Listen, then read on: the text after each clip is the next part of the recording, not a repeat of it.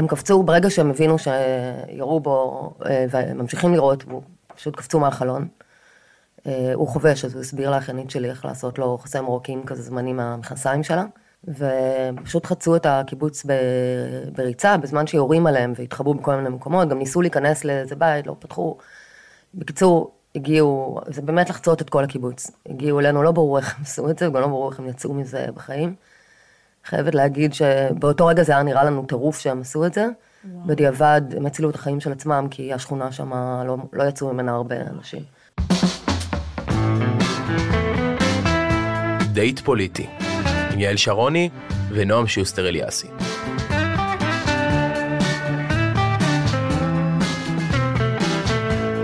מבית הקרן החדשה לישראל. ברוכים הבאים, ברוכות הבאות לדייט פוליטי. יהיה לי כיף שחזרת אליי, התגעגעתי אלייך מאוד. תודה, יורי. אמ, הפודקאסט שלנו, לצערנו הרב ולצערם של רבים, אה, משנה כיוון. אמ, אנחנו רוצות להשתמש בפלטפורמה הזאת בימים הקשים האלה בשביל אה, להדהד אנשים מדהימים, נשים מדהימות, ששרדו או שהושפעו מהיום הקשה והלא יתואר הזה, השביעי לאוקטובר. ואנחנו כאן אה, בפודקאסט אה, רוצות להשמיע את הקול של האנשים מסביבנו, האנשים השפויים שעברו את הנורא מכל ועדיין בוחרים להדהד שפיות. אני כל כך, כל כך, כל כך אה, מודה ומוקירה אה, לאורחת שלנו היום שהגיעה, אה, זיו שטל, שלום. היי. אה, קודם כל, אה, תודה רבה שבאת. אה, אני, אני אשמח שתספרי לנו קצת אה, מאיפה את, אה, ושתספרי שנדע גם מה את עושה, אה, ותכף אנחנו נחבר את הכל ביחד. ו... אה, אז אני זיו, גר בתל אביב כבר 20 שנה בערך, אפילו יותר, אבל נולדתי וגדלתי בקיבוץ כפר עזה, ורוב המשפחה שלי עדיין גרה שם. ובשבת, אני לא יודעת איך לקרוא לה, הנוראית הזאת, התארחתי, באתי, אימא שלי נפטרה לא מזמן, ואחותי עם המשפחה ואבא שלי נסעו לטיול אה, התאווררות אחרי כל התקופה הקשה בווייטנאם, וחזרו ביום שלישי ובאתי להגיד שלום, והיה גם אה, סוכות, אז... אה, אז התארחנו, עוד אח שלי היה, בנה סוכה, ב, כזה, יש מין חורשה כזאת ליד הקיבוץ, ב, ישבנו שם בשישי בערב, כולנו לארוחת ערב עם עוד חברים ואנשים מהקיבוץ, אה, כולל אה, גיסתי, וזהו, והלכנו לישון. אחרי זה כבר ידוע מה קרה, נגיד, בטח נגיע לזה בהמשך. Mm-hmm. כשאני לא במצב שבו אני בחודש האחרון, אז אני מנכ"לית של ארגון שקוראים לו יש דין, זה ארגון זכויות אדם. אני עובדת שם כבר 13 שנים. וואו. התחלתי שם בתור אה, חוקרת במחלקת המחקר, ואחרי זה ניהלתי הרבה שנים במחלקת המחקר. מה חקרת שם? אה, בעצם אה, הארגון בין היתר עושה, מפרסם דוחות ונתונים על הפרות זכויות אדם שקורות לפלסטינים בגדה. בעיקר הפוקוס שלנו הוא אלימות מתנחלים, השתלטות של מתנחלים על קרקעות של פלסטינים. התיקים המפורסמים שלנו למשל זה עמונה, חומש, התיקים האלה. אה, ומתעסק גם באלימות של כוחות הביטחון כלפי פלסטינים. בעצם זה ארגון שהפוקוס שלו הוא פוקוס משפטי, אנחנו מגישים תלונות במשטרה, אה, מגישים עתירות לבג"ץ, אה, וגם לוקחים את כל הנתונים ואת המידע שמצטבר, ובעצם חוץ מלסייע לאנשים באופן אינדיבידואלי, מנסים להגיד משהו על איך הכיבוש עובד, על המערכת, איך נראים החיים של הפלסטינים בגדה. זהו, בשנה וחצי האחרונות אני מנהלת את הארגון. וואו. אנחנו נחזור רגע גם לעבודה המדהימה שלך ביש דין וגם איך זה, בעצם העבודה בעצם אה, פגשה אותך במקום הכי אה, אישי אה, וטרגי שאפשר לדמיין. לפני זה אפשר רגע, אני יודעת שנכנסת לפה לחדר וכאילו ישר כזה שאלנו אותך מה שלומך ואמרת זאת שאלה שאי אפשר לשאול בימים האלה אבל את יכולה בכל זאת לספר מה, מה עבר עלייך בבוקר של השביעי לאוקטובר, ומה שלומך, אבל במובן ש, שהיית רוצה לשתף? אה, אז זו באמת שאלה קשה, מה שלומי? לספר מה היה יותר קל, כי זה יותר אה, טכני כזה. אה, התעוררנו באזור שש וחצי לבומים ואזעקות, ורצנו לממ"ד. אני תמיד, אני פחדנית, אז אני משתדלת לא להגיע כשיש איזושהי תחושה שאני מתוח, או מה שקוראים באזור שם טפטופים mm-hmm. של פצמ"רים או ירי אחר. אה, אז באמת כאילו לא, היה, לא הייתה תחושה שמשהו הולך לקרות. אה, רצנו לממ"ד, היינו אה, אחותי ובעלה, אחיינית שלי סהר. בת כמה היא? 16, והכלבה. אחרי איזה רבע שעה היה נראה שזה, פתחנו טלוויזיה, ראינו שזה בכל הארץ. אחרי איזה רבע שעה נרגע קצת, אז אמרנו, טוב, הולך להיות ארוך, נעשה, נשתה תה, אחותי עוד אמרה לי, תעשני, כי לא יהיה לך מתי. כל זה מתוך הממ"ד. לא, היינו כבר, אה, יצאנו לרגע מהממ"ד, אוקיי. אני באמת יצאתי החוצה לעשן, שמעתי יריות, אבל זה לא היה נשמע כל כך קרוב, אז לא, לפעמים שומעים שם כזה מהגדר, לא, לא הבהיל אותי. יותר ממה שהייתי מבוהלת מהבומים והאזעקות, אבל תוך כמה דקות היו כבר שוב אזעקות, ונכנסנו חזרה לממ"ד, וזהו. בעצם לא יצאנו מהממ"ד 14 שעות. 14 שעות. כשב... לאט לאט בבוקר התחילו להגיע כל מיני אה, ידיעות ש, שיש מחבלים בקיבוץ, והאמת שגם כשרצנו לממ"ד פעם השנייה, אז גיסי ראה ממש אה, חוליה כזאת של אה, מחבלים, ועוד סימסנו, אחותי סימסה על הרבש"ץ של הקיבוץ, לאיזה כיוון הם הלכו, היינו בטוחים שזה האירוע, כלומר, לא יודעת, שבעה אנשים שהוא ראה. לא הבנו כל כך, לקח הרבה זמן עד שהבנו באמת מה קורה. אבל התחילו להגיע שמועות שיש מחבלים בקיבוץ, ולא לפתוח את הבתים, וכל מיני ב-12 וחצי בערך הגיעו אחיינית שלי, אה, שהיא בת 21, והחבר שלה, גם הוא בן 21, הם בעצם ישנו בדירה שלה בשכונה של הצעירים של הקיבוץ, אה, וניסו להיכנס אליהם לממ"ד, והוא החזיק את הדלת, וירו בו דרך הדלת, והוא בעצם נפצע בירי בשתי ידיים. פשוט קרסו על מפתן הבית פחות או יותר. אה, אחותי ובעלה יצאו אה, לטפל בו, הם, הם רגע, אולי נספר את הסיפור שלהם, כי זה סיפור פשוט כן, כן. מטורף. הם קפצו, ברגע שהם הבינו שירו בו, אה, וממשיכים לראות, והוא פשוט קפצו מהחלון. הוא חובש, אז הוא הסביר לאחיינית שלי איך לעשות לו חוסם רוקים כזה זמני מהמכנסיים שלה. בזמן, לפני שהם קפצו? בז... לא, אחרי. אחרי שהם קפצו. ופשוט חצו את הקיבוץ ב... בריצה, בזמן שיורים עליהם והתחבאו בכל מיני מקומות, גם ניסו להיכנס לאיזה בית, לא פתחו.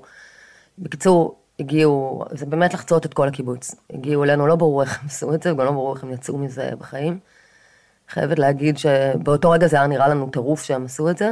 בדיעבד, הם הצילו את החיים של עצמם, כי השכונה שם, לא, לא יצאו ממנה הרבה אנשים. והבית הספציפי שלה נשאר ממנו רק ממ"ד. אה, אז טוב שהם עשו את זה. אה, בקיצור, אחותי ובעלה לקחו אותם אה, לחדר, אחותי בעצם בהנחייתו עשתה לו חסמי עורקים מהחגורות, מהרצועות של הכלבה. וואו. ואני נשארתי עם, עם אחותה בעצם, ו... ואז הבאנו אותו לממ"ד.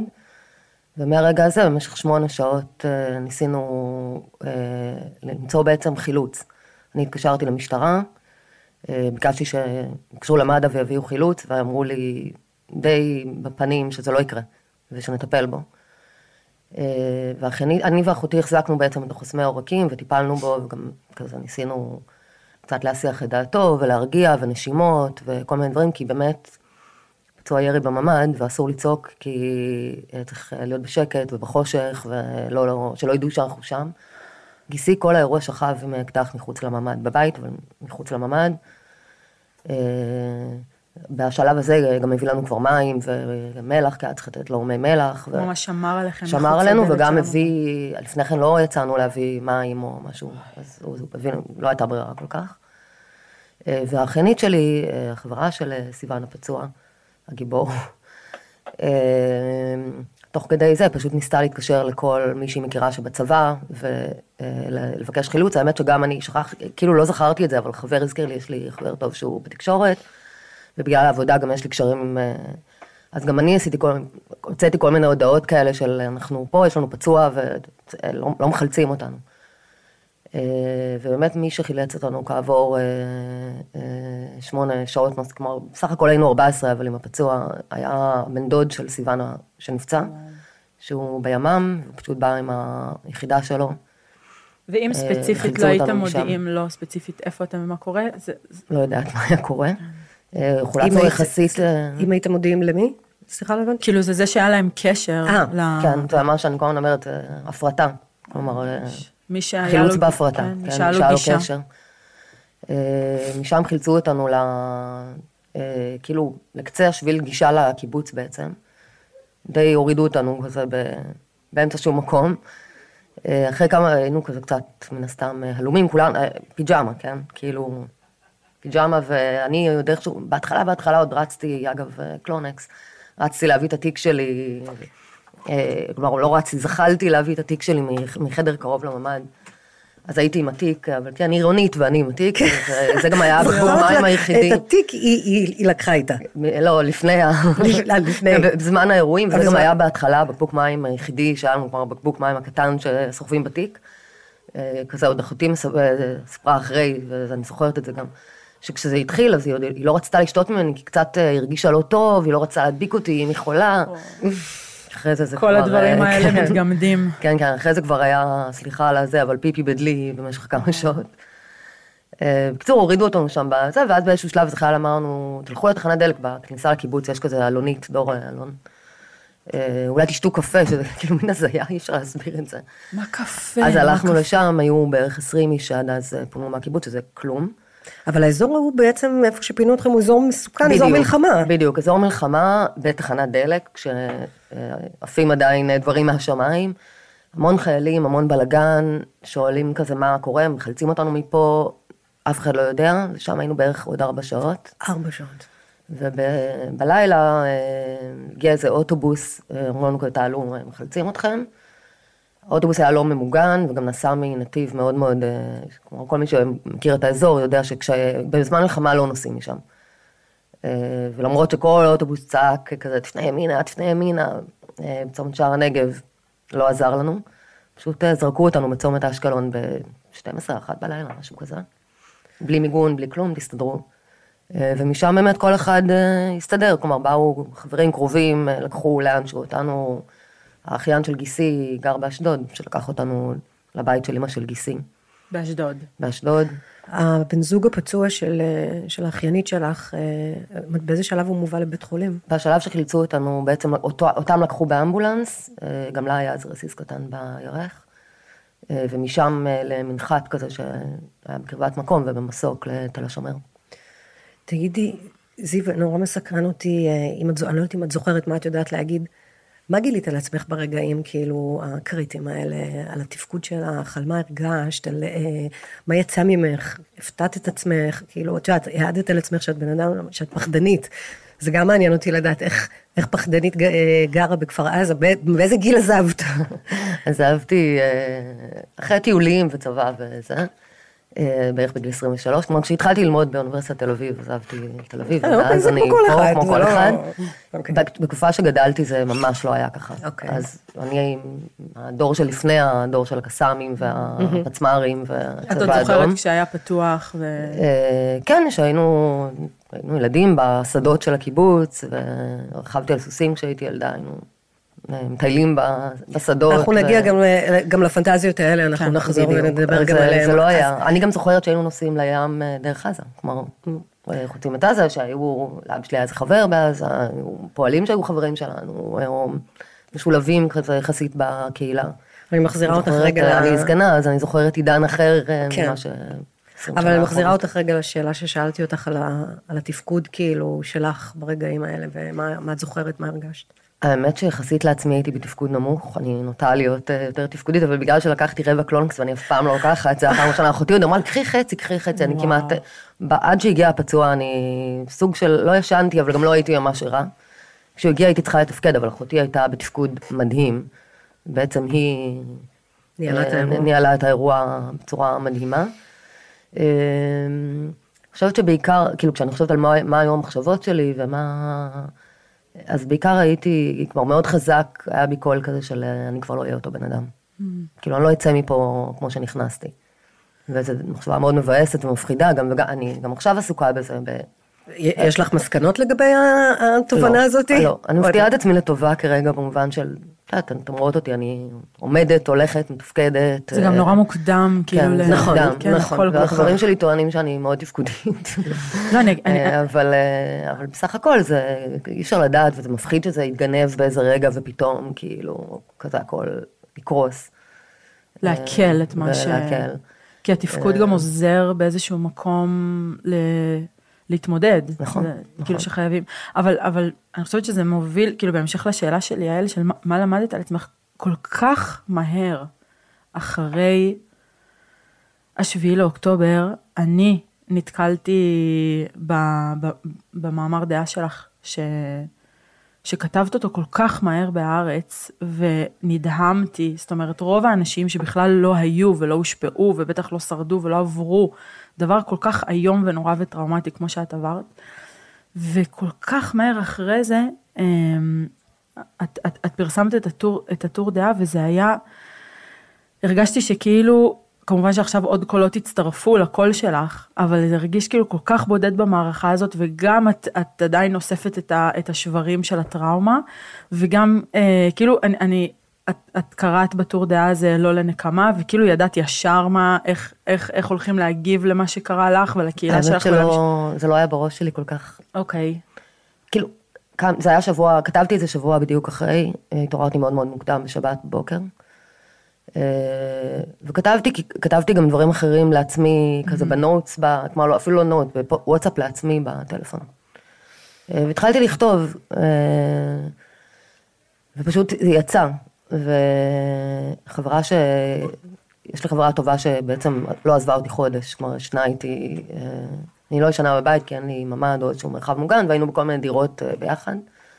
אז כשהיא התעוררה אמרתי לה, כתבתי משהו, אה, תקראי רגע. ואז היא קראה והיא אמרה לי, כתבת מאמר, תשלחי לארץ. וואו. עכשיו פרסמתי כמה פעמים כבר בארץ, זה לא פעם ראשונה, אבל, וגם לא עשיתי את זה מיד, ואז אה, בערב היו חברות אחרות, והם גם ראו, זה, אמרו לי, תשלחי עכשיו. ואפילו הייתי כל כך לא בזה, שאפילו לא, נגיד, העברתי את זה לוורד, שלחתי את זה כמו ככה בוואטסאפ לאלון עידן, שבגלל העבודה יש לי את הטלפון שלו, והתנצלתי שזה ככה, אבל ממש לא הייתי בטוחה שזה יפורסם בכלל. כלומר, התודעה שלי כל כך לא הייתה בתוך אה, מה קורה בשיח הפוליטי, או מה... לא הייתי בטוחה שזה יפורסם, בטח לא צפיתי כאלה תגובות. כאילו, זה מצחיק להגיד, אבל כאילו זה היה נראה לי פשוט נורא טבעי, מה שכתבתי היה נראה לי טבעי, ו... ו... אכפת לך להקריא לנו? אה, אין לי מושג איך, איך כל זה ישפיע על המשך חיי. האם אצליח אי פעם לא לפחד מכל רעש קטן, לא לדמיין יריות ברחשי הלילה. אבל דבר אחד אני מרגישה חזק מתמיד. את מעגל הדמים הזה חייבים להפסיק. את כל הכוחות והמאמצים צריך להשקיע במחשבה לטווח הרחוק, איך בונים עתיד שקט ובטוח לכל בני המקום הזה. זה לא ייגמר עם מילים כמו הרתעה, מכה ניצחת, הכרעה. השקט יגיע רק באמצעים מדיניים. הפגזות חסרות הבחנה בעזה והרג אזרחים בלתי מעורבים בפשעים הנוראים הם לא הפתרון. להפך, זו הדרך הבטוחה להנציח את האלימות, הטרור, העצב והשכול. יש לי צורך בידיעה שיש מי שחושב ודואג כבר עכשיו לעתיד של מי שנותרו, לעתיד של כפר עזה והעוטף, לעתיד של כל בני האדם ההגונים שחיים כאן, ישראלים ופלסטינים. אני לא תמימה, אני יודעת כמה ארוך וקשה זה יהיה. אבל עשרים השנים האחרונות, וביתר שאת אירועי אותה שבת ארורה, הוכיחו שכל הצבא, הכוח הצבאי שבעולם לא יספק הגנה וביטחון. פתרון מדיני הוא הדבר הפרגמטי היחיד שניתן וחובה לעשות, וצריך להתחיל לעבוד כבר היום. אחרי, אחרי, ש, אחרי שכתבת את זה, היו, זאת אומרת, אני בטוחה שהיו תגובות שכזה ציפית להן? היה משהו שהפתיע אותך? תשומת לב שזה תשומת- קיבל, הפתיע- אני לא יודעת למה, כאילו פשוט לא חשבתי, אולי כי אני לא חושבת את עצמי ככה, אז אה, תכונה נשית כזו. אה, אז אה, מה לעשות? אז לא, כן, לא צפיתי את, ה, את העוצמה, קיבלתי המון תגובות, הציעו לי עשרות הצעות חברות, מאות חברות. בפייסבוק אנשים כתבו לי באופן אה, פרטי ולא פרטי המון הודעות. רובן, אגב, חיוביות. כן. אה, יש כמובן גם כמה ש... אה, הכי מצחיק שהיה, היה בטוויטר שמישהו כתב לי שאני כמו התרנגולות אה, מפגינה בעד KFC. או תומכת בכיף.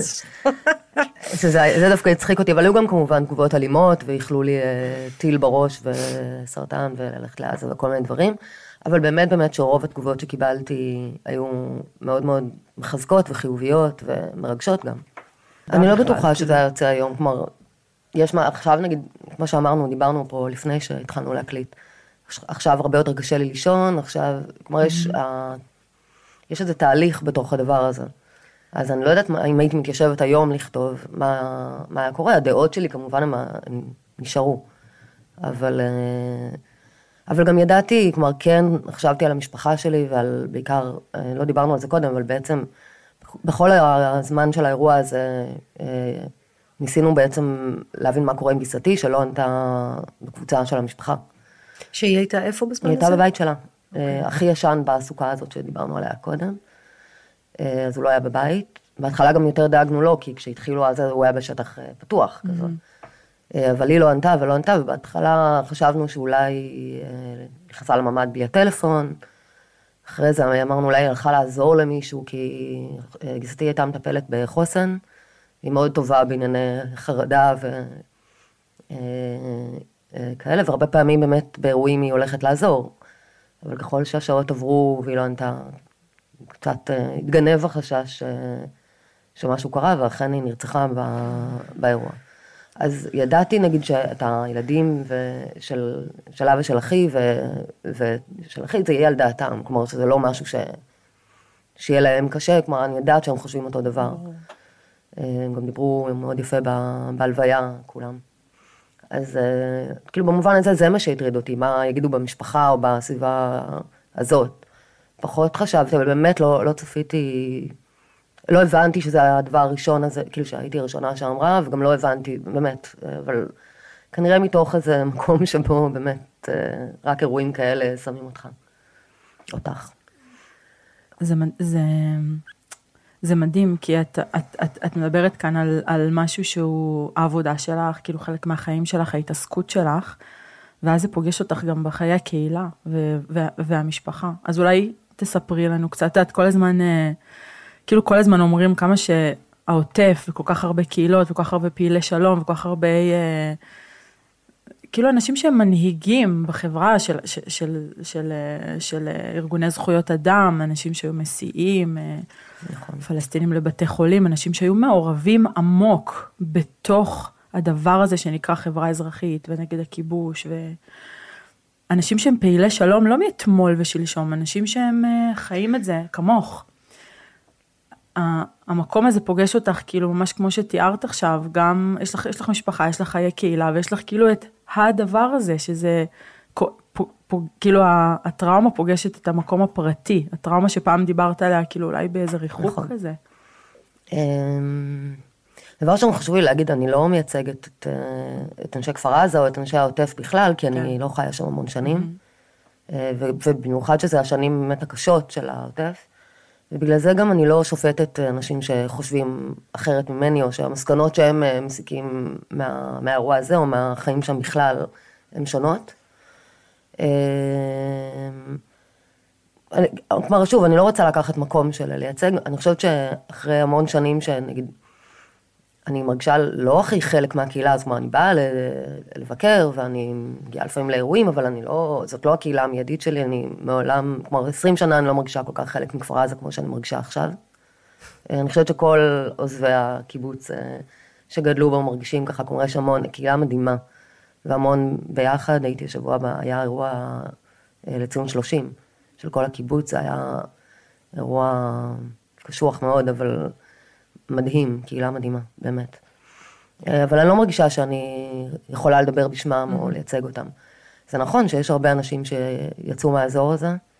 אה, את מעוז ינון אני זוכרת מהילדות, כי גם הוא רכב על סוסים. הוא גדול ממני. יצאו באזור הזה פיזית, או יצאו באזור ה... לא, אני מתכוונת שצמחו וגדלו אורח חיים באזור. הזה, או היו בעברם אה, באזור הזה. אבל קשה לי לאפיין למה, כלומר, מלבד זה שאולי מישהו שאל אותי, ואולי זה נכון. אה, העובדה שרואים את, ה, את האנשים האלה כל, החיים, כי כשהיינו ילדים הם עוד היו באים לעבוד ומסתובבים, אה, זה ממש מול העיניים. כן. אה, שוב, אני לא חושבת שזה הסבר, כי אני יכולה להגיד שהמתנחלים בוודאי רואים פלסטינים מול העיניים, וזה לא עושה את אותו אפקט, אז אני לא יודעת להגיד שזו הסיבה. אני מרגישה, אני יכולה להגיד על עצמי שאני מרגישה שאלה הערכים שגדלתי זה עליהם. עניין של חינוך, אני חושבת. שזה בדיוק עניין, זה זה ההבדל, איפה אתה. מתחנך. בקיבוץ שאני גדלתי, הייתה עוד קהילה מאוד קטנה גם, שבאמת כולם הכירו את כולם, וכולם מתי קם הקיבוץ הזה? ממתי הוא? 56 נדמה לי. אה, וואו. 56, 50 ו... בשנות ה-50, כן. אל תתפסו אותי במילה. אה, יחסית קיבוץ צעיר בנוף של קיבוצים בארץ, כלומר לא קיבוץ מאוד מאוד ותיק. אה, קהילה די מגוונת יחסית לקיבוצים, תמיד הייתה, היום ממש. מה זה אומר מגוונת? קיבוצים נוטים להיות אה, מאוד אשכנזים, מאוד כאילו שטאנץ מסוים כזה, אה, מבחינת מוצא נגיד, לא רק, אפילו בתוך, כן. אלה ארגנטינאים ואלה, כמו, מכירה קיבוצים מסביב, אלה גרמנים, וכפר עזה יש מכולם. אה, וזו הייתה קהילה, כשאני גדלתי שם הייתה קהילה מאוד מאוד כזאת מלוכדת, ו, ובעצם התחושה שלי, שואלים אותי המון, אה, כאילו עכשיו נגיד מי, כאילו, איבדת מישהו קרוב, אז אני אומרת, אה, מירה גיסתי, אה, ובן טל שהוא בן קבוצה שלי. אבל נרצחה גם מיכל שהייתה מדריכה שלי בנעורים, ונרצחו עוד המון המון, ובילה שהיא החברה הכי טובה של אימא שלי, וכל הילדים של תמר שהיא, והנכדים שלה, שהיא הח- החברה השנייה הכי טובה של אימא שלי. כלומר, זה אנשים, קהילה, זה כן. קהילה, וגם אנשים יותר רחוקים, הם, הם כולם באיזשהו מקום גידלו אותנו. זה נורא נורא קשה להסביר את זה, אני חושבת, לאנשים שהם לא באים ממקום כזה. עד כמה... יש איזו היכרות ש, שהיא גם עולה מאוד חזק עכשיו, גם ב, כשנפגשים, הקיבוץ נמצא בשפיים בעצם, רובו. אה, ושהולכים שם איזה כל שנייה להתחבק עם מישהו, וכמו שאומרים אצלנו עכשיו, אה, להשתתף בצערנו. כי באמת כמעט כולם, או רבים מאוד, איבדו אה, אנשים קרובים, או שיש יש גם חטופים בכפר עזה. אה, אז הדבר הזה הוא נורא נורא נשמר, למרות שהקיבוץ השתנה והפרטה וגדל, ו... אבל יש איזה משהו שהקהילה היא, היא מדהימה והיא חזקה, ותוך דקה בערך הקימו צוותים שם, עוזרים לאנשים ומארגנים בעצם את, ה, את הדבר הזה שהוא מצב אה, מוזר. כן. אה, יש באמת, כאילו, ממגורים ובגדים, ובעצם אנשים איבדו את הכל. הקהילה אצלכם אה, הייתה, אה, מה שנקרא, אה, משוחרת שלום ומאמינה בשלום, כאילו מה היחס, מה היחס של החבר'ה בכפר עזה למילה שלום? אני חושבת שמגוון אה, בשנים האחרונות, כלומר כשאני גדלתי זה היה קיבוץ, אה, מה שנקרא תק"ם, אה, מפלגת העבודה, אה, ברוב, כלומר תמיד היו אה, גם אחרים, לשני הצדדים, כלומר יותר שמאלה ויותר ימינה מזה. אה, אני חושבת שבשנים האחרונות זה השתנה ונהיה יותר מגוון, היו שנים קשות של אה, אה, ירי מה, מעזה וזה שינה את העמדות הפוליטיות של אנשים וגם הקיבוץ נהיה יותר באמת מגוון. אז קשה לי להגיד, אני מאמינה שעדיין הרוב הוא מה שנקרא מרכז-שמאל, Mm. עם קצוות לשני הכיוונים. גם אה, מרץ ו- אה, וחד"ש ואחרים, וגם אה, ימינה יותר, מ- כלומר ליכוד והלאה. Mm-hmm. אז פחות נגיד הומוגני או משהו שזה, אבל זה נכון שיש קהילה גדולה של והיחס שלך למילה שלום? למילה שלום. כן. באופ- באופן אישי אני שואלת, כאילו. מילה שימושית. מילה, מילה יפה. מילה יפה. באמת מילה יפה. אה, ש... אני חושבת שקיבלה קונוטציה כאילו שלילית או טעונה אה, בישראל של השנים האחרונות. כאילו התנפ- כאילו התנפצה, כאילו... כן, וגם ב- אה, נהייתה מין מוקצה כזה, כאילו אתה מדבר על שלום, אתה... אה, עכשיו, אני, אני לא פעילת שלום במובן הקלאסי, כי אני עובדת בזכויות אדם, ואין לנו, אנחנו לא נאבקים לפתרון מסוים אה, כדי אה, לפתור. וזה כאילו, זה נגיד, זה לא מילה שאני, שהיא נורא בז'רגון שלי של העבודה, למשל. אוקיי. אה, אבל כן, אני חושבת שהיא מחזיקה איזה, איזה תקווה ואופטימיות, ו... ובעיקר צער, אני חושבת שזה המילה, כאילו איזשהו משהו של... היה יכול להיות ויכול להיות כל כך אחרת, אה, ואיזשהו צער ואבל, לא רק. בעקבות מה שקרה עכשיו, אלא בכלל, שאנחנו, כאילו, אני אומרת, בני אדם, יצורים טיפשים. כאילו, יכולנו לחיות כולנו מאוד מאוד טוב, לא רק אנחנו הישראלים, כולנו. ובסוף אנחנו מבזבזים את חיינו, חיים פעם אחת, ועל מה אנחנו מבזבזים את חיינו? על אה, מלחמות ועל אבל ועל שכול, שזה דבר נורא בעיניי, ועל אלימות. והמחיר האישי הזה שאת בעצם, כי המחיר האישי הזה שאת שילמת, שהקהילה שלך שיל, שילמה, זה כאילו הידיעה הזאת שיכול בקלות להיות הרבה יותר טוב, אבל שהחיים כל כך מתבזבזים והתבזבזו עכשיו על כל השכול והטראומה. בתור מישהי שכאילו כן פעילה בתוך המקום הזה, זה גורם לך, זה גורם לך לרצות יותר לפעול, זה גורם לך לפקפק במה שעשינו עד עכשיו, זה, איפה, איפה זה שם אותך, כי זה מקום נורא בודד להיות בו, בתוך העולם של זכויות אדם עכשיו, גם תוקפים אותך. נכון. מפה, גם הייאוש מגיע מפה, זה... זה בודד ולא בודד, כי בסוף הקהילה שלי, של החיים של אחרי הקיבוץ, היא, הקהילה הזו, היא קהילת אנשי זכויות אדם. זה האנשים שאני עובדת איתם, mm-hmm. זה רוב החברים שלי. אז במובן הזה אני לא מרגישה לבד אה, לגמרי. כן, אני אה, חיה פה, אני רואה מה קורה, אני שומעת על הרדיפות לפעילים, ואפילו אנשים שהם לא כאלה פעילים, כמו על התבטאויות מלפני שנים בפייסבוק, וממש איומים. אז במובן הזה זה מפחיד. אני, אני, לא, אני חושבת שמוקדם לי להגיד, כאילו, אם זה גורם לי לרצות להיות יותר פעילה או פחות פעילה. כן לקחתי איזה מין חצי פסק זמן מהעבודה להתאושש. כאילו דה. כן, אבל מעבר לעבודה, אפילו לא העניין של השגרה, כי באיזשהו מקום, משהו בי גם רוצה לחזור קצת כאילו לתפקוד ולשגרה, ויש בזה משהו מאוד מעגן בזה שאת יודעת שאת הולכת לעבודה בבוקר, או עובדת מהבית, אבל... זה גם קשור לספציפיות. אז בדיוק, העבודה שלי היא מאוד מאוד, אה, יש חשיפה מאוד גדולה לאלימות. יומיומית, כלומר הטלפון שלי, אם תפתחו את הוואטסאפ שלי, אז תראו המון המון תמונות אלימות בעצם, של אלימות מתנחלים בעיקר. אה, בכל שעות היום והלילה, בסופי שבוע, אה, אלה החיים שלי בעצם, בהרבה מובנים. אה, וקצת היה לי די ברור, כשהאירוע נגמר, ש... כאילו שיש איזה, אם יש מיכל רגשי, שהמיכל שלי מלא, אני לא יכולה כרגע להיות אה, לא בסטרס כזה ולא בחשיפה כזאת לאלימות, ואני, זה מין עזרה ראשונה שאני חייבת לתת לעצמי, כי אחרת אני באמת לא אשרוד את זה. אה, ובעצם אני באיזשהו פסק זמן, ואני, ואני לא יודעת, כאילו, מה, מה, אם אני יכולה לחזור לחיות ככה או לא. זה משהו שאני... זו מחשבה מאוד מפחידה מצד אחד, כי כן. גם לא הזמן אה, לחפש עבודה עכשיו. אה, וזה משהו שחוזר על עצמו באנשים שמאוד מאוד מסורים לעולם של זכויות אדם. נכון. צריך להגיע למצבים ממש קיצוניים, אישיים, בשביל לעשות איזה ויתור, בשביל לתת לעצמך איזה, נכון. איזה הפסקה, איזה... את, את, את, את באמת נותנת לעצמך? כי... אני מאוד משתדלת, וגם משתדלת. מאוד משתדלים סביבי לעזור יופי. לי לעשות את זה. זה מאוד משמח לשמוע את זה. כן. כי, צריכה, כי, כי, כי, כי בסוף צריך כאילו גם לשמור על, על, על, על עצמנו נכון. בתוך... אה, בא האירוע הזה וממש הוכיח שאין, שאין ברירה. אה, כאילו, כן, הגעתי לזה כבר עם היכל די מלא. אה, עוד ברכבת לכפר עזה ביום שישי. טיפלתי באירועים בעקבות האירועים יום שישי, השישי. כן, השישי לאוקטובר. היה את אה, ענייני חווארה אה, לפני כן, ובעצם דיברתי, ליש לי יש תחקירן שמגורר בבורים, שזה כפר ממש קרוב לחווארה. אה, והיו אירועים ודיברנו כשאני הייתי ברכבת. כן.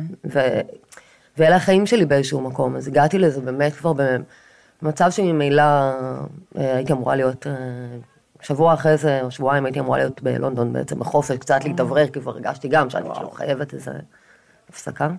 כמו שאני נוהגת להגיד מאז, אה, רציתי לונדון וקיבלתי מלחמה. אה, לונדון לא יקרה בקרוב. נכון, מאז שהשביעי לאוקטובר קרה, אז יש אה, המון פרשנים ואנשים שבעצם מפנים את תשומת הלב לכמות החיילים שהיו, נקרא לזה חווארה באיזה כותרת, שהיו ביהודה ושומרון והיו שם כדי להגן על מתנחלים, כדי לטפל במה שקורה, ש... בדבר הזה שאת מתעסקת בו בעצם. נכון. בכמות המשאבים שהצבא צריך לייצר בשביל לטפל באלימות המתנחלים ובכל מה שקורה ביהודה ושומרון, שזה הדבר שאת מתעסקת בו ביום יום. אז אולי אני אגיד משהו, לא יודעת אם לזה התכוונת. אני חושבת שהעניין שהכוחות היו אה, בגדה ולא בעזה זה עובדה. כלומר, יש מספרים על כמה גדודים וכולי. אה, וגם ההשקעה במודיעין, עסקה אה, בגדה ולא בעזה, ויש את עניין הקונספציה וכל זה, אני לא רוצה להיכנס לזה. כן. אבל אני קצת חולקת על, על ההצגה הזאת הציבורית, שבעצם הצבא אה, נמצא, ב, היה בחווארה או בכל מקום אחר בגדה כדי למגר אלימות מתנחלים, כי זה ממש סותר את כל מה שאנחנו רואים. האמת, די מאז ומעולם, אבל ממש ממש ב, ביתר שאת בשנה האחרונה, אנחנו רואים שהצבא לגמרי מאפשר אלימות מתנחלים, כן, הרבה לא- פעמים משתתף באלימות מתנחלים. לא ממגר. בדיוק, אנחנו ב... מתוקף תפקידי כמנכ"לית יש לי, אני, הרבה, אני מדברת הרבה על אלימות מתנחלים, ושואלים אותי הרבה פעמים על התפקיד של הצבא. ואז אני אומרת, הרבה שנים קראנו לתופעה הזאת, יש לה שם אה, כאילו משפטי כזה, שקוראים לו עומדים מנגד. כמו שחיילים עומדים מנגד ולא עושים כלום כדי לעצור אה, פעולות, פעולות אלימות. אבל בשנים האחרונות זה כבר ממש, אם לא היה ארגון כזה, אז היינו קוראים לזה עומדים ביחד. כאילו, השם תפוס, אבל הקונספט הוא, הוא ממש כזה. אמ, ממש לא מזמן סיפר לנו אחד מהאנשים שאנחנו מלווים, פלסטיני, שנפגע מאלימות מתנחלים, ממש הסברנו למצלמה, אה, שכבר אין הבדל בין הצבא למתנחלים, והוא אמר, המתנחל רוצה להיות חייל, אז הוא שם, לובש את המדים, והוא רוצה להיות אה, מתנחל, אז הוא מוריד את הבגדים, את המדים. וזו הרגשה, עכשיו, אני חושבת שמאז האירוע קורים דברים נוראים גם בהקשר הזה, כי מלבד הדיבורים על לכבוש שוב את עזה ולהקים התנחלויות בעזה ולהעמיק את, ה, את המצב שבו, הנורא שבו אנחנו נמצאים, אז מתחולל גם, אה, א', יש אלימות מתנחלים גואה בג- בגדה בחסות המלחמה, מה שתמיד קורה בחסות אה, מלחמות בעזה. מפנים את תשומת הלב למקום בדיוק, גם הצבא. והמשטרה וכולם עסוקים, גם התשומת לב הציבורית. אה, הרבה אירועי, מה שהם כאילו חושבים שהם נוקמים אולי בשמי, אבל זה כמובן מאוד מקומם, ואני לא זקוקה לעזרתם בעניין הזה, להפך. אבל גם תהליך של חימוש של המתנחלים, תהליכים שסמוטריץ' וצבי סוכות אה, מקדמים, צבי סוכות אה, התמנה להיות אה, יושב ראש הוועדה לענייני התיישבות בוועדת חוץ וביטחון. כאילו הכיוון הוא בעצם הפוך ממה שהייתי מקווה שנלמד מהאירועים האלה. תראי, אפשר להגיד הרבה דברים על התפקוד של הצבא ב... ב... אירוע הזה. באירוע, כי גם, כאילו, אין ספק שהיה מחדל אה, מטורף, כלומר. ואני אני יכולה להגיד שאפילו לי, שיש לי הרבה ביקורת על הצבא גם אה, לפני, אה, אני חושבת שבכל ישראלי נטועה, כאילו הידיעה, זה אפילו לא תקווה, זה ממש ידיעה, שבכל מקום ובכל סיטואציה יבואו אליך, יבואו לחלץ אותך, ישמרו עליך. נכון, הייתה... והדבר הזה נשבר, ו... נכון. כלומר, כשאני התקשרתי למשטרה ואמרו לי, לא, אין כוחות שנכנסים עכשיו לכפר עזה, וזה היה כבר כעבור אה, הרגע- שש שעות. הרגע מה- הזה שאת מבינה מתחילת שאתם האירוע. לבד. לבד. ושיש לי פצוע ירי בממ"ד, ואני מוצאת את עצמי מרמה לי ולהחזיק חוסם עורקים ולטפל בפצוע ירי שאין שום אמצעים נורמליים לטפל בו, והוא בחור צעיר שהוא גם חובש, אז הוא יודע מה הסכנה של להיות הרבה שעות עם חוסמי עורקים על שתי ידיים. זה מצוקה שממש קשה לדמיין אותה, ותראו, היו גם, מהבוקר היו המון המון יריות, ושמענו מה קורה. אנחנו היינו בטוחים שזה צבא שנלחם ב- כן, ב- קרב יריות של צה"ל. כן. בדיוק. ואני חושבת שההבנה לגמרי, א', את סדר הגודל של האירוע, שזה לא היה רק בכפר עזה, וכמה אנשים היו בכפר עזה, שבעצם המון שעות לא היה צבא, הגיע ביום ויומיים אחרי, כלומר בכלל לא כן. קלטנו את זה ב- ל- לעומקו באותו רגע. אנחנו בשעה הזאת, מי שגר במרכז, אני זוכרת את עצמי- צורחת לטלוויזיה, איפה ממש. הצבא? בתשע בבוקר, אז צרחות. אנחנו כאילו בכלל לא העלינו על דעתנו שאין צבא בקיבוץ בשלב הזה. כי- זה באמת המשבר אמון, ה- זה השוק הגדול, כאילו, שכל ישראלי, לא משנה מה עמדותיו, ובאמת חווה איזשהו לא, משבר אמון על מטורף. הסיטואציה גם שאנחנו חיות במרכז, ואנחנו יודעות מה קורה יותר ממך שאת, שאת שוכבת בממ"ד ומנסה להציל את המשפחה נכון. ובתור מי שלך. שיודעת שכל אה, מתנחל שנכנס אה, לכפר פלסטיני כדי אה, לבצע פעיל, פעילות אלימה, יודע, וזה קורה, שהצבא ישר יבוא וישמור עליו ולא על מי שהוא תקף, אז יש איזה שבר, כלומר, אני מצויה באיזשהו שבר מול הצבא ו- ותפקודו כבר הרבה שנים, אבל הדבר הזה הוא, הוא שבר אמ- אמיתי, אני חושבת, של כל הקהילות של, ה, של העוטף. כי באמת הדבר הזה היה של, אנחנו חיים שם, אבל הדיל שלנו, החוזה הבסיסי חוזה שלנו מול בסיסי המדינה. של אזרח מול מדינה. בדיוק, זה ש, ששומרים עלינו. אה, וגם, ושוב, אנחנו לא, לא בחרנו להתיישב באזור מסוכן, אני אומרת, עד שנות האלפיים המוקדמות, זה היה אזורים בטוחים לגמרי, שבכלל לא הרגישו בהם סכנה, לא באינתיפאדה הראשונה. זה היה, זה באמת אה, שוב שבר שקשה מאוד אה, אה, להתגבר עליו. אני תוך כדי, בממ"ד כבר אמרתי לאחותי, אני לא יודעת אם זה באמת נכון, אבל אמרתי לה, כף רגלי לא תדרוך פה יותר. אשכרה. כלומר, הפחד היה, היה גדול. תגידי, אני מוצאת את עצמי אה, חווה איזשהו קונפליקט אה, פנימי בין המקום ה, באמת הפציפיסטי, שוחר שלום, שמאמין בטוב ורוצה ויודע שיכול להיות יותר טוב, לבין באמת איזשהו אינסטינקט הישרדותי שלא, שלא יקומו ויהרגו אותי, ואת כאילו חווית את הקונפליקט הזה ממש, ממש על בשרך. איך, איפה זה פוגש אותך? אני יודעת שכאילו דיברנו פחות או יותר על דברים מהסוג הזה, אבל זו שאלה טובה. איפה זה פוגש אותך עכשיו, הדבר הזה? ובסדר, נכון, לא, אנחנו לא מדברים שוטח את עזה, זה לא, זה, אני לא שם, אני מנסה באמת רגע להבין. א', אני לא פציפיסטית, כלומר, אני לא חושבת שישראל צריכה שלא יהיה לה צבא, או לא כן, לפעול להגנתה. סליחה, אז פציפיזם זה לא בעולם- המילה הנכונה. בדיוק, אפילו בעולם של, את יודעת, כאילו זכויות אדם, וזה, הדבר הבסיסי שלמדינה יש זכות ואפילו חובה להגן על האזרחים שלה. אה, אין לה זכות וחובה לבצע ג'נוסייד. אני גם חושבת שבשלב הזה שבו אנחנו נמצאים כרגע בלחימה, א', לא ברור כל כך מה התכלית האמיתית, ה- ה- הישימה, לא הסיסמאות. למחוק את עזה בוודאי, אלא אם כן ישראל באמת רוצה להיות אה, מדינה, ואני חושבת שזו התאבדות אה, אה, ישראלית אם ישראל תבצע ג'נוסייד. כן. כלומר, ישראל לא תוכל להתקיים. בכו- בכל אספקט, בדיוק. נכון. אבל גם העניין של למוטט את שלטון חמאס, אני לא בטוחה שהוא, שהוא מטרה שניתן, אפשרית, ואני אומרת כן. את זה בצער, הלוואי והיה אפשר. אם היה אפשר לבצע פעולות שרק ימוטטו את חמאס, אני חושבת שזה אה, היה הדבר שישראל הייתה צריכה לעשות, כלומר, ארגון טרור, רצחני, אלים, בלי, בטח אחרי האירועים של השביעי באוקטובר, אבל גם לפני כן. אבל עדיין צריך אגב, לעשות יש- משהו, צריך, אז- אתה לא יכול לשבת אני ולעשות, אגיד. אוקיי, אוקיי. אני חושבת שא' צריך לזכור ששלטון חמאס הוא גם שלטון דכאני כלפי תושבי עזה, לא רק ברור. כלפי ישראל. ברור. אה, ואני חושבת שיש לגיטימציה לפעול מול חמאס. מה שאין לגיטימציה זה אה, להרוג בלי הבחנה, או ל...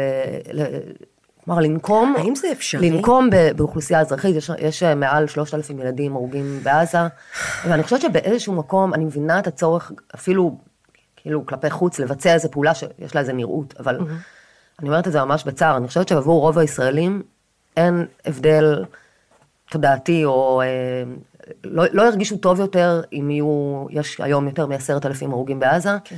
אם יהיו חמישים אלף, כלומר, זה, זה עצוב נורא להגיד, זה המון אנשים, כן. המון בני אדם, רובם חפ, חפים מפשע, אני חושבת שאין הבדל, ולכן הייתי רוצה לחשוב שישראל אה, עושה פעולות, אבל שהן עם מחשבה תחילה, כלומר, אני לא חושבת כן. שעניין הכוח פה, כמה הפצצנו, כמה הרגנו, כן. הוא ה- אני לא יודעת המשחק. עד כמה אנחנו באמת בעיקר כי אני יודעים. מנסה לחשוב על העתיד. ודווקא בתור מי שגדלה שם, הסבבים האלה, הם, נכון שזה סבב יוצא דופן, ועדיין, הסבבים האלה הם, הם חסרי תכלית, הם מעגל שחוזר על עצמו שוב ושוב ושוב. כשבבסיסו באמת הרבה פעמים זה מין אה, סיסמאות כאלה של אה, לשקם את ההרתעה, לצרוב בתודעה, כל הסיסמאות שכולנו מכירים, ואנחנו לא מצליחים בזה, ואולי האירוע הזה, אם יכול לצאת ממנו משהו עם איזושהי תקווה, או, או... הוא צריך לשמש לשינוי כיוון, לש- לשינוי תפיסה, לשינוי מחשבה. והשינוי הוא לא ללכת אה, לכבוש את עזה מחדש ולהקים גם שם התנחלויות, ולא לדבר בסיסמאות כאלה באמת של למחוק את עזה, או אה, להעלים אותם מעל פני האדמה, אלא לחשוב איך אנחנו יוצאים מהדבר הזה, וגם אם זה ייקח המון המון שנים. וזה לא שאני וגם חושבת על שמחר זה יהיו אפשר... קורבנות. בדיוק, וזה לא שאני חושבת שמחר אפשר אה, להתיישב ולעשות אה, הסכם שלום עם מישהו. לא נאיבית במובן הזה, אבל אני חושבת שיש המון נטייה להתייחס לאנשים שמדברים ככה, כאילו באמת נאיביים, אה, לא חיים את המציאות, ואני חושבת שזו החשיבה הכי פרגמטית שיש. כי היא באמת חושבת על איך יחיו פה הדורות הבאים, ולא רק אנחנו, ואי אפשר לנצח לשלוט בעם אחר, לדכא עם אחר. אה, זו, זו המציאות פשוט, וזה זה טבע האדם גם. האדם תמיד יתקומם. אה, בתוך... אני חושבת שישראל הייתה מאוד יצירתית ל- ל- כאילו השקיע בהמון, באמצעי לחימה ובגדרות וב... אה, דיברו על מכשול תת-קרקעי שבעצם לא מאפשר את המנהרות. כל הקונספציות האלה קורסות וקורסות שוב ושוב, כי בסוף ה- ה- כוח הרצון או רוח האדם היא, היא להשתחרר, ואז היא מקום נוראי לחיות בו, כלא גדול. אה, שוב, אני לא מצדיקה וכמובן לא מזדהה עם אף אחד שהלך לעשות את מה שעשו אה, למשפחה שלי ולי, ולכל מי ש... לכל יקיריי האחרים, אבל אני חושבת ש... שאין מה לעשות, אנחנו צריכים לחשוב איך יוצאים מזה ולא איך משמרים את זה. בגלל זה בשאלה של יעל יש משהו כל כך שפוגע באיזה נקודה כזאת שהיא הליבה כמעט של, אה, של כל כך הרבה דיונים שקורים עכשיו, נכון? כי, כי את יודעת, אני יושבת לידך ואני מרגישה שהלב שלי ממש רועד, כאילו ממחשבה על מה שעברת, ממחשבה על מה שאת עדיין עוברת, מהטראומה שיש לה כל כך הרבה רפליקציות, גם זה, זה מעגלים אינסופיים שלא יחזרו להיות אותו דבר. חיים שלא יחזרו להיות אותו דבר. ו, ובתוך זה הדילמה שיעל מעלה פה ומה שהיא שאלה אותך, זה מדבר לכל כך הרבה אנשים עכשיו, כי, כי אני חוזרת שנייה למאמר שלך בהארץ, שכתבת אותו ככה כמה ימים אחרי מה שעברת, כי מצד שני, יש, יש אנשים שהשביעי לאוקטובר בשבילם מסמן איזה משהו, כאילו קוראים לזה עכשיו ההתפכחות, או אנשים שמשנים את העמדות שלהם, שאי אפשר, דברים, דברים לא יהיו אותו דבר, אז איך את חושבת עדיין אותו דבר? איך אפשר להגיע לה? אז לא, אני חושבת ש... לא, אני לא חושבת בדיוק אותו דבר כמו שחשבתי אוקיי, לפני. אז, אז זאת השאלה. ואני מזהה בעצמי אה, עמדה יותר מורכבת אולי, או עמדה, אני לא בן אדם של זה, אז תמיד העמדה הייתה מורכבת, אבל אני חושבת שעכשיו זה באמת יותר מסובך ויותר קשה. אה, למה? את יכולה לנסות אה, כי- לנסח את זה כי איכשהו? זה באמת שבר, מה שקרה הוא באמת שבר. וזה זה דורש חשיבה וזה דורש כן, לשאול שאלות. לשאול שאלות, אה, וגם אולי אה, התגברות יותר גדולה על באמת על ה... כמו שאמרתי שהרצון אה, בחירות ובחופש זה טבע האדם, בטבע האדם קיים גם הדבר הזה של נקמה או תגובה מיידית כזו, או... והדבר הזה, כאילו כן, הוא דורש יותר אה, מין אה, ריסון כזה או התאפקות. מה, אני חושבת שזה נורא קשה. מה, אבל מה האנד גיים, לאן אנחנו כן, הולכים? כן. ואני חושבת שזה מה שמוביל אותי, הדבר הזה של, שאני יודעת שגם אם אה, אה, ישראל עכשיו תכה, כמו שחמאס, שתכה כמה שהיא רוצה, אבל, אבל תכה בעזה במובן של אזרחים שהם לא מעורבים ב, או לא קשורים לחמאס. זה שם אותנו במקום שנפגוש שוב ושוב אירועים כאלה, ואולי אפילו גרועים מאלה, וזה נורא נורא מפחיד אותי, אני מעדיפה, באמת באמת, זה או אני גם- בוחרת, אני אגיד את זה כן. ככה, אני פשוט בוחרת לחשוב, כאילו להפעיל את השכל, את הרציונל, ולחשוב איך יוצאים מזה, לאן הולכים מכאן. אני רוצה להגיד שאני מרגישה, אפרופו מה ששאלת, שלפעמים כשאתה נמצא, אפ- אפרופו זאת אומרת, אה, האם אתה משנה את הדעות שלך, לאן אתה הולך עכשיו אחרי שזה קרה? אני חושבת שאנחנו עדיין בעיצומה של טראומה, האירוע נכון, לא נגמר, נכון, לא נגמר. וברגע שאתה בתוך הטראומה, אתה עוד לא יכול להבין. אתה עוד לא איבדת את זה בעין כדי בכלל להבין מה אתה חושב אחרת, אבל אתה מבין שכאילו, כמו שאמרת, אני, אני לא יודעת, אין לי איזה אנד גיים, וגם הדבר הזה של אה, הומניות בעיתות מלחמה, אפרופו, אה, כאילו מה, ש, מה שאמרת, תמיד גם חונכנו וגדלנו על זה שצה"ל הוא צבא אה, מוסרי, שצה"ל לא עושה את הדברים האלה, שצה"ל שומר עד כמה, באמת כאילו, זה גם עוד איזה קונספציה שאני לא יודעת אם היא קרסה, כי אני, אני רוצה להאמין שהיא לא קרסה, ושאני רוצה, ואני מבינה גם שזה, גם זה מורכב. אני בטוחה, במלחמה נהרגים אנשים חפים מפשע, זה חרא. ואני רוצה להאמין כאילו שצה"ל עדיין במינימום, עושה את המינימום האפשרי. עכשיו אתה שומע את המספרים וזה לא, וזה לא נשמע לך הגיוני. אבל זה באמת כאילו, אפרופו המורכבות של הסיטואציה, אני חושבת שזה באמת גם עוד מורכבות נורא נורא גדולה. כאילו איך, איך אתה, כשאתה רואה את חמאס משתמש באזרחים כ, כמגן אנושי, אתה, אתה נמצא בבעיה מאוד מאוד גדולה. אני מסכימה.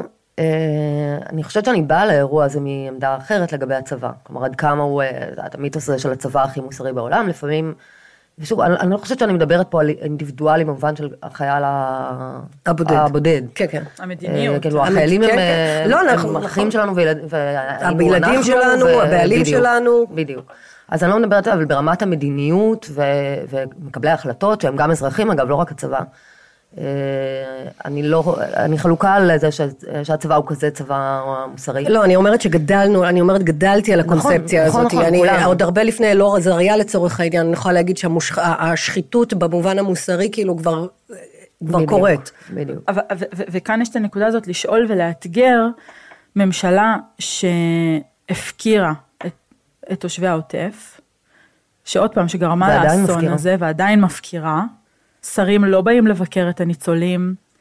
הייתה ידיעה שנתניהו עדיין בכלל לא, לא נפגש עם ראשי המועצות בעוטף. מה שלא הפריע לו להיפגש עם ראשי המועצות של... ביהודה אה, ושומרון. של הגדה המערבית, בדיוק, של ההתנחלויות. איך אפשר, אני, יוש... אני, אני מוצאת את עצמי חושבת, איך אפשר לחשוב באמת שממשלה כזאת יכולה להוביל איזושהי מד... מדיניות שלאורך טווח, לא רק שלא לטווח יכולה להוביל, לא, היא יכולה להרוס. היא הורסת, היא לוקחת אותנו אחורה. כלומר, לי אין ספק שהרבה מה- ממה שראינו, קצת קשור גם לשאלה קודם על הלקוחות, אבל לא רק זה. אה, זה נובע מזה, ואין מדינה. כלומר, מהרגע הראשון של האירוע הזה היה ברור שאין מדינה. מי שדואג למפונים זה הם עצמם. אה, מי שדואג ל- לכל התשתיות, לכל דבר, זה חברה אזרחית, זה ארגונים, חלק מארגוני המחאה, אתם יודעים, אפרופו- לזה. אפרופו זה, חשבתי על זה, המלחמה פרצה בשבוע ה-40 של המחאה. הריון הוא ש- 40 שבועות. הריון זה, זה אה, תשעה חודשים שמכינים אותך לרגע מטורף לשינוי, זה החיים לפני והחיים אחרי, כשמגיע הילד. ופתאום באנלוגיה הזאת חשבתי על זה שהמלחמה פרצה בדיוק ב-40, אחרי 40 שבועות, שמטות המחאה, עובדים, יש להם אופרציה מטורפת, הם היו מוכנים לרגע המטורף הזה, בצורה כזו שהם מחזיקים את המדינה. הם ממש מחזיקים את המדינה, ובאמת התחושה היא שאין מדינה, שאין מדינה. וזה מהרגע הראשון, וכולל הפינוי הנוראי הזה שהיה, שבאמת היה ברדק, כלומר, יש- ישבתי שם בתחנת דלק ואמרתי לעצמי, אני הייתי יכולה לנהל את זה יותר טוב. ואני לא. בצבא, ויותר מ-20 שנה האחרונות, וכאילו, היה שם כזה כאוס וכזה ברדק, וזה כאילו, אני לא יודעת למה, בראש שלי זה מין נתקע כזה, כאילו קפסולה של כל הדבר בעצם, הבלגן הזה שראיתי, והחוסר, והיו חיילים מאוד חמודים שם וזה, אבל אבל חסרי אונים, מ- כן. לא, לא ידעו מה לעשות עם עצמם. אני חושבת שזה מאוד חזק זה שאין ממשלה ואין אה, ממשלה שאנחנו סומכים עליה בהקשר של החטופים. אה, כלומר, אנשים מהממשלה, שרים, מתבטאים שהם מבחינתם, אה, אפשר לשלם את המחיר הזה של אה, 240 חטופים שבעזה. חוסר אמון גדול, לי לפחות, אני לא רוצה לדבר בשם אה, משפחות של חטופים, אני יודעת שאין הסכמה שם, מבחינתי היה צריך אה, כל עסקה, לדאוג אחרי זה למה נעשה עם זה. ישראל יודעת יפה מאוד לחסל וכולי. אבל ב, ב, ברגע הראשון, לחסל אזרחים, חודש אנשים נמצאים אה, בידי חמאס, כולל ילדים מאוד מאוד קטנים, חלקם בלי הורים אגב. כן. זה פשוט בלתי, בלתי נתפס, ש, שזה לא השיח המרכזי בישראל כרגע. אני חושבת על הדרגות. אני הולכת להפגנות אגב, היום יש אחת, אולי זה, כאילו, אין המון אנשים, זה לא, זה לא קפלן. כן, זה ב- לא ברור שזה בראש סדר עדיפויות זה גם לא. במיינסטרים באופן מוזר. כלומר, אני הייתי בטוחה שהסיפור הזה של לשחרר את החטופים, הוא... אין אמירה יותר מיינסטרים מזאת בישראל, והתברר לי שאני טועה. ממש. שזה לא ככה. זה, כאילו זה דרגות של חוסר אונים. כי יש את החוסר אונים שלנו בתוך המחנה הליברלי בשנה של, אה, של מחאות, שאנחנו מבינים ש, שיש אזרחים אבל אין ממשלה. ואז בתוך אסון כזה נוראי, שהרגע הכי מפחיד שלו זה את בתוך הממ"ד, זה אזרחים שהם כבר חודש חטופים ואין, אין להם מענה.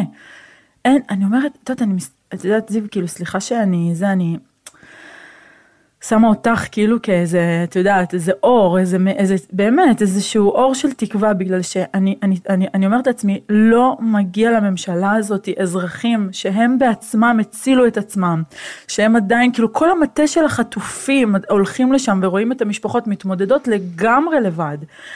את ה, כל האופרציה שהייתה לפני זה של, ה, של, ה, של המחאה הופכת להיות חמ"ל של אזרחים שדואגים לאזרחים במקום הממשלה. זה, זה, זה לא נתפס, כאילו כשאנחנו אומרים יתומים אנחנו מתכוונים לזה, לא סתם. להפך, אני חושבת שהממשלה, לא רק שהיא לא מסייעת, היא... הר- גורמים מזיקה. רבים בה היא מזיקה. פשוט מזיקה. היא מזיקה, היא לא מתעניינת בזה, מעניינים אותה דברים, ההישרדות הפוליטית, מעניינים אותה באמת אה, איך להגדיל את ההתנחלויות עכשיו, או איך אה, אה, מתעסקים בלעצור אה, אה, אזרחים. ערבים, וכמובן שכספים, אבל אפילו לעצור אזרחים ערבים, כשבעצם השקט, נגיד, אני חושבת שזו הפתעה לכולם, אחרי המלחמה הקודמת בעזה, שבעצם אה, אה, הפלסטינים אזרחי ישראל לא אה, יצאו לרחובות ולא הייתה אלימות בערים המעורבות, משהו שכולם נורא נורא חששו ממנו. במקום זה נראה שרק עסוקים בהפך, כאילו ללבות, ללבות, לפלג. כן, להתסיס. להקצין, בדיוק. שום דבר, ההפך בסיסמאות, שצריך לעשות. בתקופה כזאת, ההפך, נכון. להרגיע, לעטוף, ל- ל- לחבק, אגב, זה עוד לתת איזושהי. תקווה. למשהו. נכון, וגם אה, פשוט כאילו עושים עבודה נוראית מבחינה ציבורית בעולם. כלומר, ברגע שיש לנו שרים בממשלה שמדברים על פצצת אטום מעזה, מלבד הטמטום הבלתי נתפס של אמירה כזאת, אז גם ככה רואים אותנו בעולם, זה מה ששומעים מאיתנו. ואיזה תחושה, אני לא יודעת איך להסביר את זה, כאילו, לא שלפני זה כמובן, אף אחד לא חושד בי שתמכתי או חשבתי איזושהי מחשבה חיובית על הממשלה הזאת גם לפני האירועים האלה, אבל, אבל עכשיו זה ממש, ו- וזה גם, אני חושבת, אם דיברנו על השבר מול הצבא וההפקרות, אז הדבר הזה ש... עכשיו מוכיחים לך שכל מה שחשבת הוא נכון. בדיוק, שזה לא הממשלה שלנו במובן המקום, כלומר שהם לא רואים את עצמם הממשלה שלנו, הם הממשלה של הציבורים שלהם, או של התומכים שלהם, או על- רק עסוקים בבחירות הבאות ובהישרדות שלהם. זה מדהים, זה כמו מקווה בטרגדיות. ומאחלת לנו שהם יעופו הביתה ממש. ביום שתיגמר המלחמה. וגם זה אינדיקציה שהם חלשים. זאת אומרת, אם, הולכ, אם הול- הולכים ורודפים אחרי, בסופו של דבר, האזרחים שהם הכי חשו... הכי, בוא נגיד אזרחי ישראל הערבים, הם האנשים הכי פחות אה, כוח. כוח. הולכים בשביל תמונת ניצחון שהוא נעצר, והיא בדיוק. נעצרה, והיא אזוקה, והוא אזוק, זה אינדיקציה של חולשה. יש לכם את הגב של ארצות הברית, יש לכם גב של מעצמות, ואתם, בגלל המחדל הזה, ושאתם לא לוקחים על זה אחריות, זה אינדיקציה של חולשה, איזו תמונת ניצחון מדומיינת, שאתה הולך ורודף אחרי האזרחים הכי חלשים. זה אני דבר... אפילו לא חושבת שזו תמונת ניצחון מבחינתם, אני חושבת שזה ניצול הזדמנות. ניצול הזדמנות, נכון? בדיוק ככה. הפשיזם כאילו יצא מהחורים, ויאללה, יאללה, יאללה, כאילו, נ, זה, כאילו נערי הגבעות בממשלה ומתנהגים כמו נערי הגבעות. כן, אני חושבת זה- שיש כאילו בתוך ה... אם אני חושבת על מה יהיה, אז בימים האופטימיים אני אומרת, זה יכול להיות הזדמנות, כאילו כמה שזה נורא אה, להגיד את זה, כלומר, יכול להיות שזה מה שיביא באמת ביום שאחרי המלחמה, הפגנות ענק, אה, תיפול הממשלה, אולי, אולי נשנה כיוון. ובתסריט המאוד פסימי זה בדיוק הפוך, זה, המצב כרגע הוא קרקע פורייה לעליית שלטונות נכון. אה, פשיסטיים, דכאנים, טוטליטריים, גזענים כמובן, מפחיד נורא, ממש מחשבה נוראית של מה יהיה. אני חושבת שנראה לי שהרוב הם באור, לא בחושך. פשוט החושך... הציבור. הציבור, כן. הציבור, אני חושבת, רובו, גם ההתפכחות היא יותר לכיוון ה... לעזוב את החושך וללכת לאור, נראה לי. אבל החושך, אני מקווה שהאור מספיק יסנוור וירחיק, אני לא יודעת כאילו, כי האופל הוא חזק, וכשהוא חזק הוא יכול... זה, אני מקווה שהלהבה הקטנה הזאת תלך ותגדל בתקופה הזאת, הלוואי, אמן. וגם אנחנו פה לחזק אותך, ו... ולהגיד לך שאת נותנת לנו תקווה. כן, אין לי, אין לי הרבה מילים. אני אה, באמת אה, רוצה להודות לך גם על הדברים שעשית לפני השביעי לאוקטובר. אה, ואני מאחלת לך שתצאי חזקה, ו... ושכל הדברים שאמרת יפים, הם אה, יחלחלו ויהדהדו, ו... ובאמת יצליחו להשתלט על החושך. תודה רבה, תודה שהזמנתם אותי. תודה, זיו.